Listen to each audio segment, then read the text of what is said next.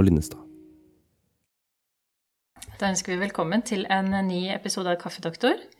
Og det har vært en lang sommerferie, Lina? Det har vært en lang og deilig sommerferie, så nå ønsker vi lytterne velkommen tilbake. Mm. Og uh, vi har fortsatt litt sånn uh, skilt på hver vår side av dammen. Noen måneder til, så er jeg tilbake igjen. Ja, så det er fortsatt i Washington, men vi snakker på Zoom. Um, I dag så skal vi ha en eh, episode som egentlig er en oppfølging på en uh, debatt i media som har uh, kjørt frem og tilbake nå i noen uker, om uh, pilleskam. Ja, det var en kronikk som sto på trykk i Aftenposten i begynnelsen av august, var det ikke det? Ja, 11. august, tror jeg. Pilleskam i psykiatrien er et alvorlig samfunnsproblem, het den, og var skrevet av Norsk psykiatrisk forening, eller det var uh, styret i Norsk psykiatrisk forening som hadde underskrevet. Og jeg tror kanskje denne debatten egentlig startet litt før sommeren, hvor det også var en debatt om uh, ADHD og økning i antall henvisninger i psykiatrien. Og det har vært voldsomt med økninger. Um, og så har man også sett at det er en økning i folk som blir diagnostisert med ADHD, og forskrivning av medisiner.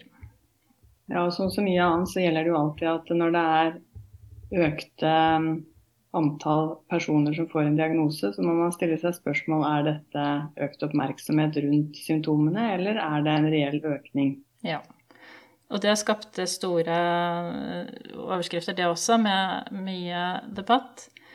Men så kom altså denne her som omhandler pilleskam i psykiatrien. Og, og vi kan vel kanskje si det sånn, Elin, at vi har vel reagert på noe av det som har kommet frem i media rundt denne saken? Ja, jeg, jeg, må si jeg stusset litt da jeg leste denne kronikken. For jeg kjenner meg i hvert fall ikke så veldig godt igjen i det de skriver eh, som fastlege. Nei. Jeg oppfatter at det er ganske mange andre faktorer som spiller inn eh, enn det de eh, hevder i kronikken sin.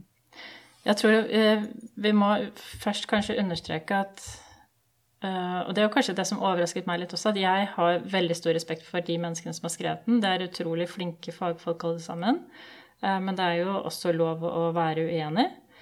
Um, men jeg syns dette var et vanskelig innlegg, og jeg syns det gikk uh, litt galt. Um, og jeg tror også, før vi går videre, at det er viktig at vi understreker at verken du eller jeg er jo imot medisiner.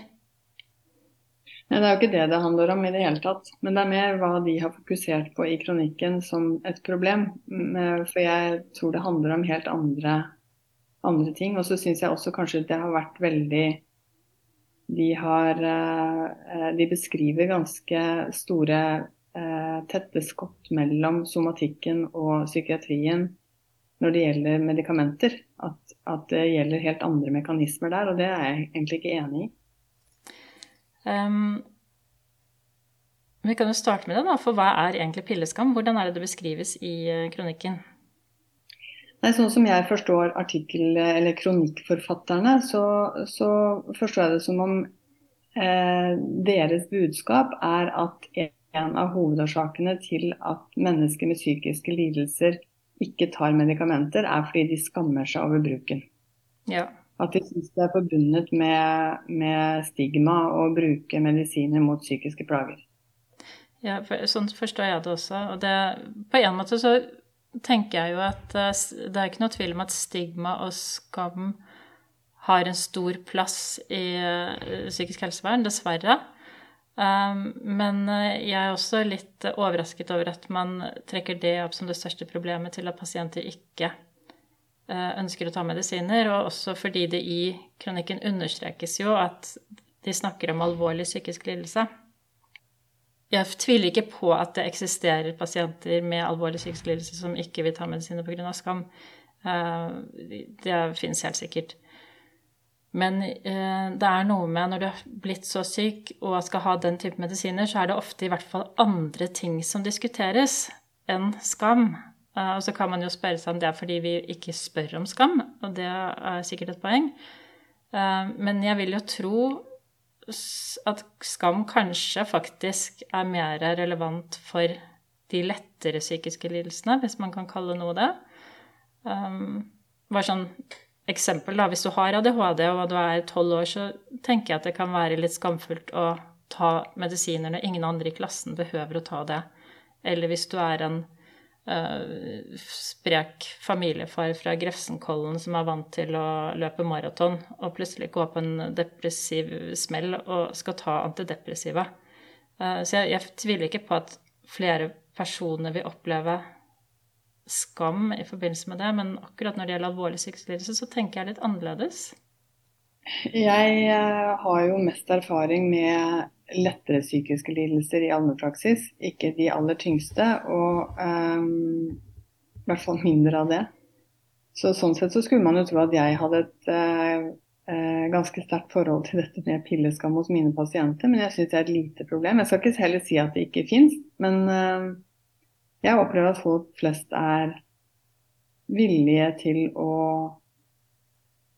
prøve det som anbefales på et vis.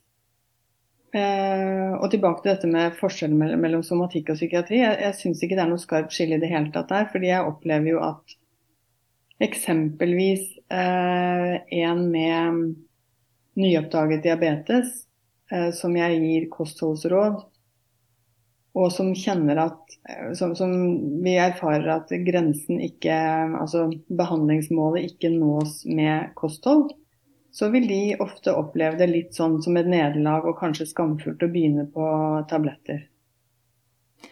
Eh, samme med kolesterol. Hvis man har eh, forhøyet kolesterol som er mulig å regulere ned med kostholdet, så vil, andre, vil noen pasienter kanskje oppleve det skambelagt at ikke de klarer å nå målet på egen hånd. Så jeg, jeg syns ikke jeg ser noe mer eller mindre i somatikken eller psykiatrien på hva som er skambelagt i så måte, selv om jeg syns ikke det i utgangspunktet er noe stort problem i noen av leirene. Nei, for da tenker du at sånn det med pilleskam ikke uh, er et uh, problem som isolert sett hører til psykisk helsevern eller psykiatrien.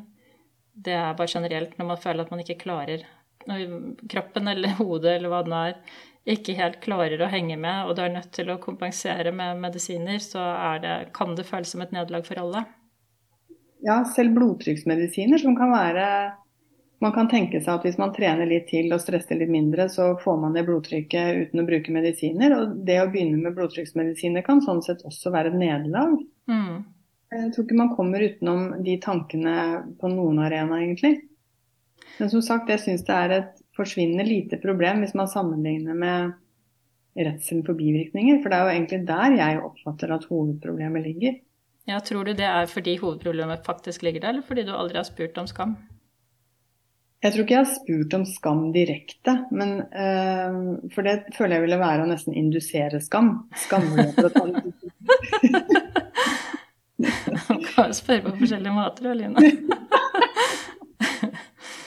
men jeg, jeg tror jeg, jeg ville være i en Man værer jo det i en samtale, om det er noe som sitter langt inne fordi man kvier seg av sånne årsaker. Så jeg, og I de samtalene jeg har hatt, så er det ikke sånn at jeg oppfatter Det kan hende jeg bare oppfatter veldig dårlig, da, men det um, Som sagt, jeg skal ikke si at det ikke fins, men det er ikke noe hyppig forekommende i mine øyne.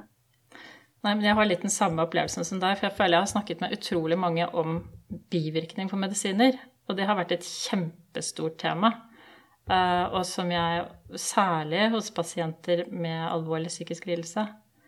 Uh, og det er vel der jeg kanskje syns jeg ble Man for litt lett over det i denne kronikken, hvor jeg tenker skal man først snakke om pengeskam Nei, pengeskam om pilleskam.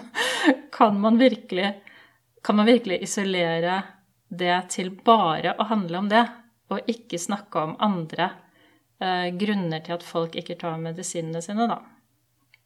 Det syns jeg blir litt underlig når man sier at det er et stort og alvorlig samfunnsproblem. Så lurer jeg på om man blander kortene litt. Ja, og jeg er også overrasket over at de eh, gjør dette med bivirkninger til noe så liksom, parentesaktig. Det er akkurat som det er et veldig lite problem. Men altså, hvis man leser bivirkningsprofilen på medikamenter, og da snakker jeg ikke bare psykofarmaka, da snakker jeg egentlig alle medisiner, så blir man jo skyggeredd. Altså De pasientene jeg har som begynner å lese pakningsvedlegget, de bruker ikke medisiner. Punktum. Mm. Det tør de ikke. Så, jeg jeg syns også noe som er litt talende for det da vi, Jeg bodde jo i Danmark en periode og jobbet i psykiatrien der. Og der hadde man, eh, før man begynte med det i Norge, en plikt til å opplyse pasientene om bivirkninger eh, når de startet på antipsykotika. Og det var jo ikke en lett oppgave. Men da jeg kom til Norge, så opplevde jeg at kollegaer sa hva, nei, det kan man jo ikke snakke om, da er det jo ingen som vil ta det. det og det tok jo faktisk mange år etter at jeg kom tilbake, før det var en selvfølge her også. Og det var ganske mye debatt rundt det. Eh, kan man snakke om det i det hele tatt? Fordi man skremmer folk fra å ta medisin. Så jeg tenker at det med bivirkninger har faktisk vært så Hva skal man si betent at vi, vi i lang tid sånn kviet oss for overhodet å snakke om det. Så det sier jo litt også om uh, hvor alvorlig det kan være, da. Ja, jeg tenker det å snakke om bivirkninger er en egen kunst, nesten. Fordi eh, hvis man Det er mange måter å snakke om bivirkninger på. Ikke sant? Så si til en pasient at vær oppmerksom på økt dødelighet, plutselig hjertestans, eh, selvmordstanker, eh, personlighetsendring altså Hvis du liksom begynner å ramse opp alt som kan gå gærent, så er det jo ingen som tør å bruke det. Men jeg tror at å si noe kort om de vanligste bivirkningene, sånn at man er oppmerksom på det. Og særlig også så gjelder det jo for veldig mange bivirkninger at det er forbigående. Det er veldig mange som eh, merker noe de første par ukene, og så gir det seg. Så, så, jeg tror at det er viktig å si noe om at dette og dette og dette er ikke noe uvanlig å kjenne i begynnelsen, men vanligvis så går det over. Men jeg tror også det kan være lurt å si at um, det er alltid bivirkninger uh, som, som, kan opptre når man tar medisiner. Eh, hvis du kjenner at det er noe som ikke stemmer, så vær oppmerksom på det. Så kan vi heller slå opp og se etterpå, på en måte. Mm, og det tror jeg er kjempeviktig. Jeg tror også det er viktig å si at eh, selvfølgelig skal man veie virkning og bivirkning opp mot hverandre. Eh, sånn at hvis du starter på en medisin, så er det viktig å ha en åpen dialog, fordi det går an å både endre medisiner, redusere medisiner, Eh, og slutte med medisiner hvis man finner ut at bivirkningene ikke er til å leve med. Eh, og jeg tror det å ha en åpen dialog om det faktisk vil ha en større effekt på at folk blir stående på medisinene hvis de har behov for dem, eh, enn det å snakke om pilleskam, da.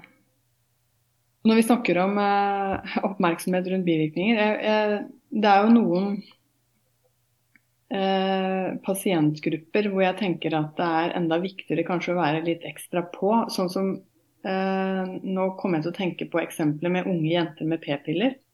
Jeg har vært borti mange unge jenter med p-piller som ikke har noe eh, informasjon fra tidligere om at eh, å tilføre kroppen hormoner kan gjøre noe med, med en på andre måter enn en det rent som fysiske, og ikke bli gravid.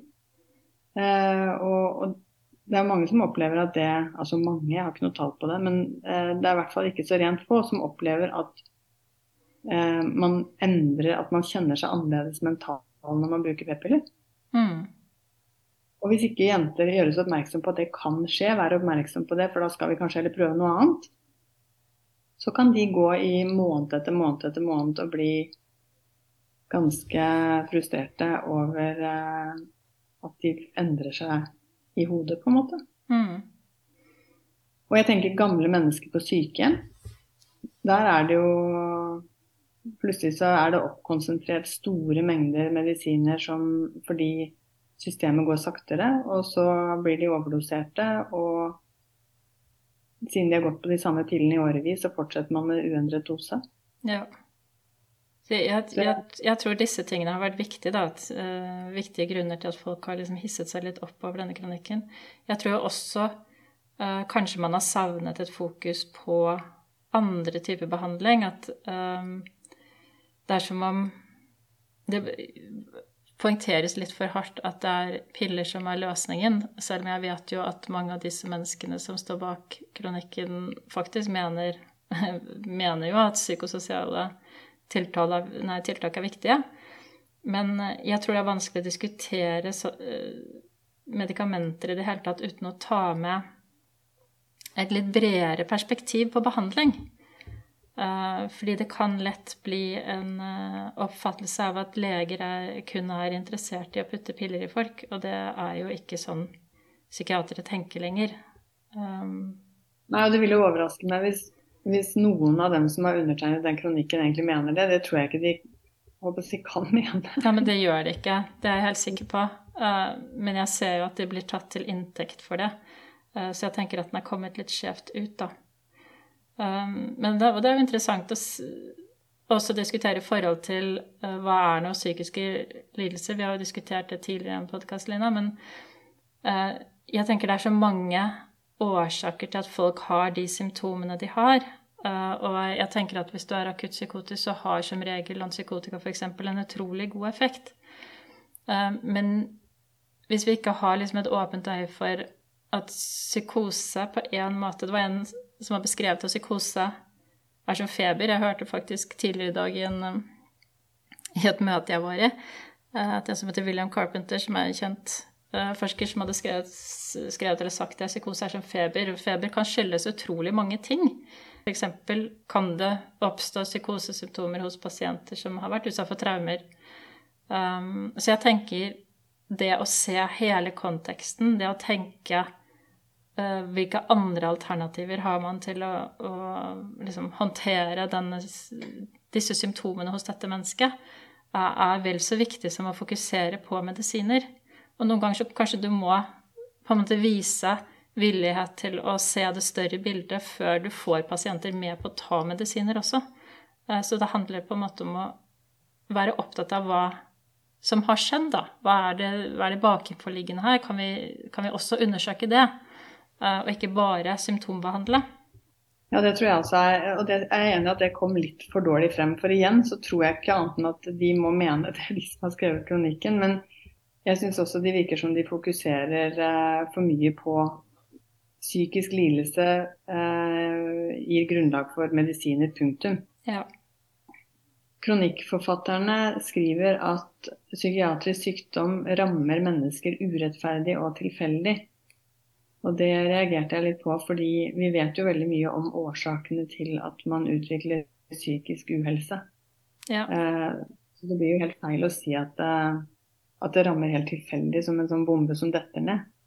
Jeg tenker, det nei, jeg tenker det kanskje kan rettferdiggjøres i den forstand at en veldig stor andel av befolkningen faktisk får en psykisk lidelse opp gjennom livet. Så sånn sett så er det jo eh, nyere studier viser at nesten er mer normalt enn ikke normalt å ha fått en psykisk lidelse på et eller annet, eller tilfredsstille kriteriene på et eller annet tidspunkt i løpet av et livsløp. Ja, er det ikke hele 80% Jo, det er kjempehøyt. Og så spør man seg liksom om det skal ingenting til for å få en psykisk lidelse. Det kan man jo godt spørre seg. Men sånn, man er veldig unormal hvis man ikke blir psykisk syk i løpet av livet. Ja, det er jo egentlig mer normalt å få en diagnose enn å ikke få en diagnose. Da, bortsett fra at de fleste nok ikke kommer innom helsevesenet. De bare har, de vil ha perioder i livet hvor de tilfredsstiller en diagnose. Men på den annen side så vet vi også at uh, det er mange psykiske lidelser, uh, de fleste faktisk, uh, har, kan ha komponenter i hendelsesforløpet som fremmer uhelse, da, som, som f.eks. Uh, traumer tidlige barndomstraumer eller rusmisbruk eller eh, Det kan være alvorlige livshendelser man bruker lang tid på å komme over, eh, sånn at man tilfredsstiller kriteriene for depresjon, eller man kan ha angst i perioder eh, som er basert på utrygg tilknytning. Det er, det er, liksom mange Det er mange lag her som Hvor vi egentlig kan liksom tise ut forskjellige elementer som vi vet fremmer uhelse. Og da er det jo ikke helt tilfeldig. Men eh, en annen ting jeg har eh, tenkt på, dreier seg jo også litt om det med ADHD-debatten, faktisk. Um, fordi vi vet jo at det er mange ting som fører til uhelse, men i vårt samfunn så er det jo også ting som fører til uhelse. Uh, og det syns jeg også på en måte har relevans for denne debatten her, hvor man snakker så mye om at det er liksom biologiske faktorer som gjør at uh, vi vet at medisiner har en effekt. Uh, men uh, mye av kritikken rundt det med ADHD og medisinering etc. dreier seg jo om en veldig økning av et symptombilde Og psykiatriske sykdommer er jo ofte symptombilder her og nå. Vi tilfredsstiller kriteriene i en eller annen manual, og så har vi en diagnose. Og sånn som jeg ser på eh, den utviklingen vi ser av ADHD nå, så tenker jeg ja, for noen så er det en nevroutviklingsforstyrrelse. Det er, noe, det er et trekk de, disse barna har hatt fra de var små. Men jeg tror også i et samfunn som det vi har nå, med så mye distraksjon, så mye mobiler, så mange enheter de er på, så mye inntrykk og impulser, så kan man jo si at samfunnet på en måte induserer eh, symptomer eh, hos barn som til forveksling på en måte ligner en eh, Sånn som vi tenker ADHD eh, ja, for, Til forveksling ligner ADHD, da. Ja, det tror jeg du har helt rett i. Og jeg tenker Vi har opplevd en tid som har vært uten alle disse forstyrrelsene, sånn at vi har noe å sammenligne med. Men de barna som vokser opp nå, de kjenner jo egentlig ikke til hvordan det var før man ble forstyrret av telefonen og alle mulige impulser utenfra.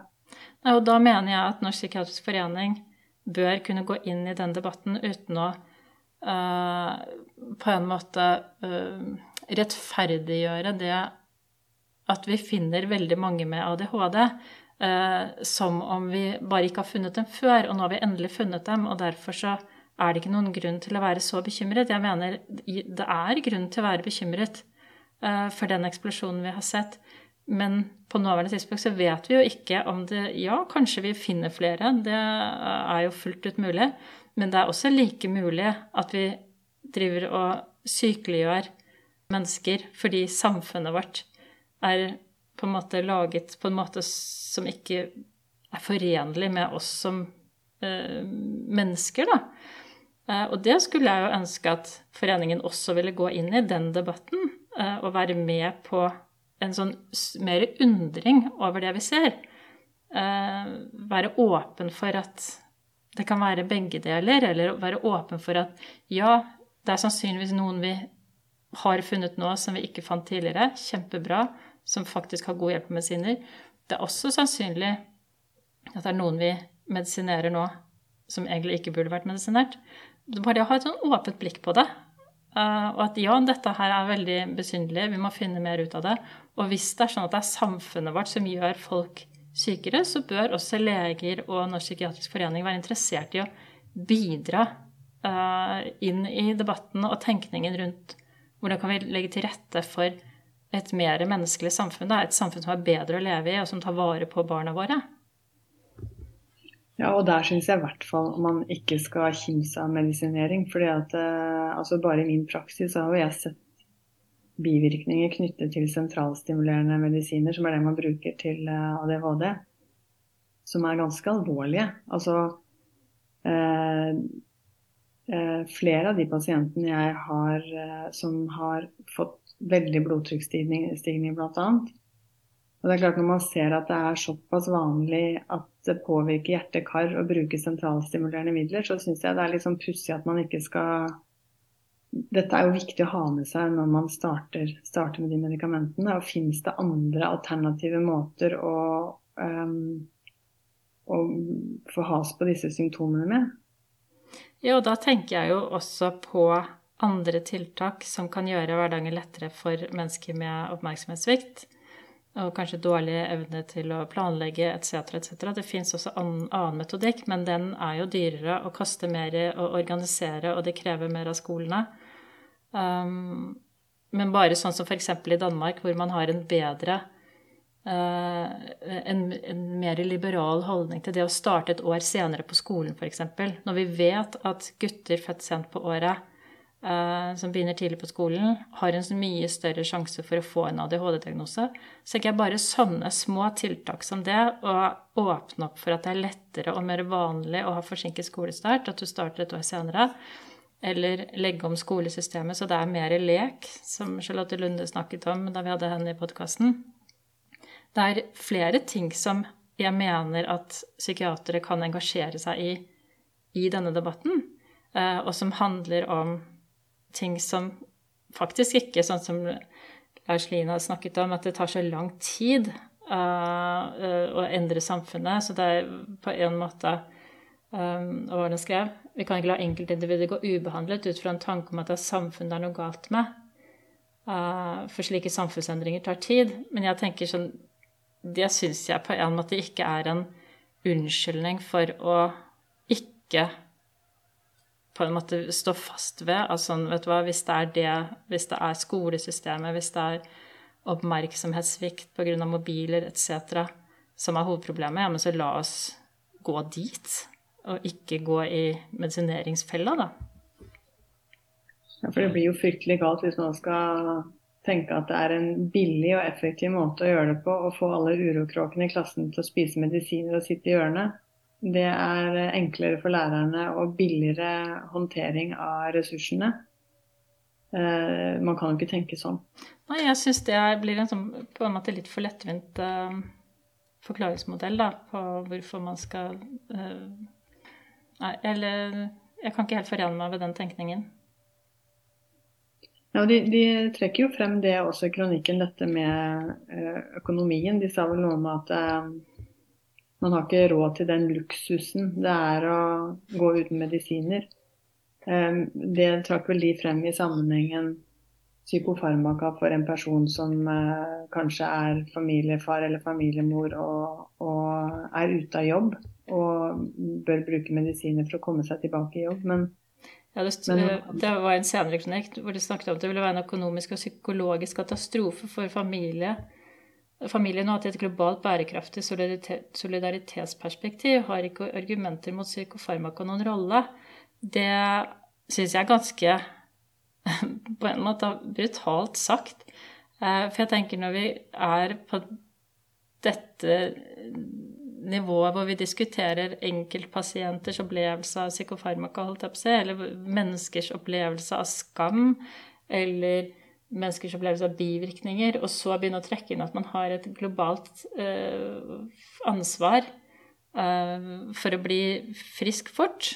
Uh, jeg tror jo ikke de kan ha ment det. Men det er i hvert fall sånn det kan leses. Fordi an, noe annet koster penger. Det syns jeg på en måte er å plassere den debatten et helt sånn merkelig sted for meg, i hvert fall. Og, og også, litt, også faktisk litt skaminduserende. For da skal man plutselig skamme seg litt for at man ikke tar, tar ansvar og bruker piller fordi noen andre mener at du blir frisk raskere. Jeg tror jo de fleste hvis de trodde på medikamenter, hvis de trodde på at jeg blir rask frisk med dette, og det er ikke farlig å bruke, så ville man jo bruke det. Så det er jo sannsynligvis på en måte både en redsel og en um, Hva skal man si frykt, ja, frykt for bivirkninger, frykt for hva det gjør med en, frykt for at jeg blir endret, eh, at jeg ikke er meg selv lenger. Jeg tenker det er mange tanker rundt dette som gjør det vanskelig for noen å ta tabletter. Og dette er det siste jeg ville argumentert med, for å si det sånn. Dessuten så er det vel ingen retningslinjer for noen psykisk lidelse som ikke også eh, innebefatter eh, eh, samtaleterapi. Jeg kan ikke komme på et eneste, eneste, eksempel der man anbefaler kun medisiner.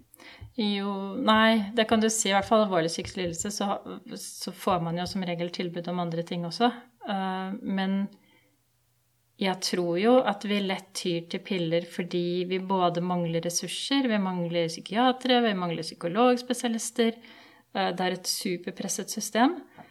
Uh, og det å gi den gode oppfølgingen som vi vet kanskje hadde vært den beste, da, har vi ikke råd og tid til. og det tenker jeg er et kjempestort problem, og som kanskje i enda større grad burde vært adressert. da. For jeg vet jo at alle disse menneskene som har skrevet under her, også jobber med den typen terapier og tenkning og er inne i den tankegangen. Så det er jo ikke noe fremmed for de heller. Jeg skulle bare ønske at de hadde på en måte vektet det litt uh, høyere, da i uh, jeg kan jo ikke snakke for alle, for hele fastlegekorpset, men jeg har vondt for å tro at det er så mange allmennleger som uh, folk med medisiner og sender dem på dør, og ikke har noe oppfølging. Det er i så fall mal praksis. Det er jo ingen som Det er jo ingen retningslinjer som sier at man skal gi dem piller og la dem gå, på en måte. Er det ikke mange som får antidepressiva, altså ikke noe særlig oppfølging? Jeg håper ikke det. Du er altfor uh, godhjerta, du. For jeg, jeg, mener med folk jeg har snakket med også, at det er en del som på en måte får en litt sånn lettvint løsning uh, hos fastlegen sin også, når det gjelder særlig kanskje depresjon, da. Men at man tas, tas, inn til samtaler i den forstand at man sjekker litt hvordan det går og medisinen virker, men at eh, det elementet med samtaleterapi eh, kanskje kan være litt skrint. Det regner jeg sikkert med at det er i praksis, men det er jo i hvert fall mot retningslinjene. Mm. Retningslinjene tilsier at man skal også ha samtaler, og så er det helt sikkert ikke sånn i praksis mm. at man klarer å gjennomføre det man skal. Men det er jo i hvert fall det som er hensikten. Ja. Det er en annen ting jeg tenker på. Nå har vi snakket ganske mye om bivirkninger og annen skepsis knyttet til medisiner, som ikke bare handler om skammen knyttet til det. Men en annen ting er jo trua på at noe virker. Og det er jo en del pasienter også som er skeptiske til hvor stor effekt disse medisinene har mot problemene. Og det, det handler jo heller ikke om skam, men det handler om en sunn skepsis. Og det har jo vært en del fokus på det også. Eh, I fjor sommer så kom det ut en, eh, en sånn paraplyartikkel, en artikkel som tok for seg ulike studier som er gjort på effekten av såkalte SSRI, som er den vanligste antidepressiva medisinen. Uh, og der var det ikke overbevisende effekt, faktisk. Så, og sånt får jo folk med seg, selvfølgelig. sånn at jeg, jeg synes jo ikke, Det har jo ikke noe med skam å gjøre. Det handler om at folk eh, har fulgt med og ser at eh, det er ikke noe fasitsvar på hva som virker. Nei, jeg tror akkurat det du sier der det ikke er et fasitsvar, jeg tror det er noe av fasiten her, holdt jeg på å si. Fordi jeg er jo ikke noe tvil om at SSRI virker på veldig mange pasienter. Akkurat som jeg er helt sikker på, øh, og har sett med egne øyne, at antipsykotika virker på veldig mange pasienter. Eh, og det virker Antipsykotika virker jo relativt godt i akuttfase. fase. men vi vet også at det er en del det ikke virker på. Og vi kan ikke på nåværende tidspunkt si hvem det er det virker for, og hvem det ikke virker for. Eh, og det er jo noe av jeg holdt på å si baksiden av medaljen her, at vi har på en måte noen medisiner som vi vet kan ha en god effekt, men vi vet ikke hvem, hvem vi skal anbefale det til. Og så blir det til at vi anbefaler det til alle. Men, uh, og det tenker jeg heller ikke er galt i seg selv, fordi hvis du først har effekt av det, så er det jo en stor hjelp. Og det er jo riktig, sånn som du skriver, du blir fortere frisk. Um, men igjen så er det det å ha den åpne dialogen, ha ydmykhet for at noen ikke vil oppleve den effekten. Uh, noen vil oppleve effekten, men de opplever utrolig mye bivirkninger samtidig. Uh, her er liksom spekteret så bredt, da. Uh, at, men har man en åpen dialog, så er det kanskje heller ikke så farlig å prøve. Um, og det tror jeg på en måte er det viktigste. Og hvis vi skal ha en åpen dialog om det, så må vi ha tillit til at det skjønner psykiaterne. Det skjønner legene. Legene er klar over dette. Det er ikke bare de som må lese på avisen at ikke vi henger med, på en måte. Vi henger med, vi også. Og jeg, jeg syns sånn som hele denne debatten har kjørt nå, så kan man få en følelse av at psykiatrien ikke henger med. De, de er liksom på sin egen lille pillegren. Der piller er liksom løsningen på alt. Og det tror jeg faktisk veldig mange psykiatere ikke mener. De fleste, faktisk. Eh, og det syns jeg er litt viktig å få understreket, at det er, det er en eh, Vi må ha en mye bredere diskusjon, vi må ha en mye bredere debatt. Og vi må som psykiatere også engasjere oss i den behandlingen som ikke bare handler om medisiner, fordi behandling av komplekse problemer ofte krever komplekse løsninger, liksom. Ja, det tror jeg også. Må, jeg tenker at Det handler jo veldig mye om kommunikasjon med pasientene. dette At man har en åpen og ærlig kommunikasjon med pasientene og forklarer at her er det mange veier inn til et problem, og det er mange veier ut av et problem. Og det må tilpasses individuelt. Og så er, kan medisiner veldig ofte være en del av løsningen. Eh, og da må man være klar over hva det kan innebære av både effekt og bieffekt. ikke sant? Eh, så det handler jo bare om at man individuelle tilpasninger og åpen kommunikasjon. Tenker du ikke det? Jo, jeg tenker det. Og så håper jeg at leger vil også på en måte engasjere seg i debatten om det samfunnet vi lever i. For jeg tenker det er superviktig. Det kommer til å bli det i årene fremover. Hva slags samfunn er det egentlig vi vil ha, og hva slags samfunn er godt for de menneskene som lever i det, og faktisk kan redusere forekomsten av psykisk lidelse. For jeg tror um, vi, kan, vi, kan, ikke melde oss ut av den debatten. Den må vi også være med i. Jeg syns det var et veldig fint avrundende ord, jeg, Kristin. Det tenker jeg også. Og så har vi ikke ment å liksom fornærme noen med denne, denne episoden. For vi mener som sagt at det er veldig flotte mennesker som står bak eh, mye godt i Norsk psykiatrisk forening. Eh, og heier på de videre. Men vi vil gjerne ha en bredere debatt neste gang. Det vil vi. Og så vil vi at vi skjønner budskapet bak det som kanskje ble litt sånn jamma ned av uttalelser som ikke var helt heldige. Ja, vi tenker det. Ja. Da sier vi som vi pleier. Livet er ikke det verste vi har. Og om bitte litt er pulverkaffen klar.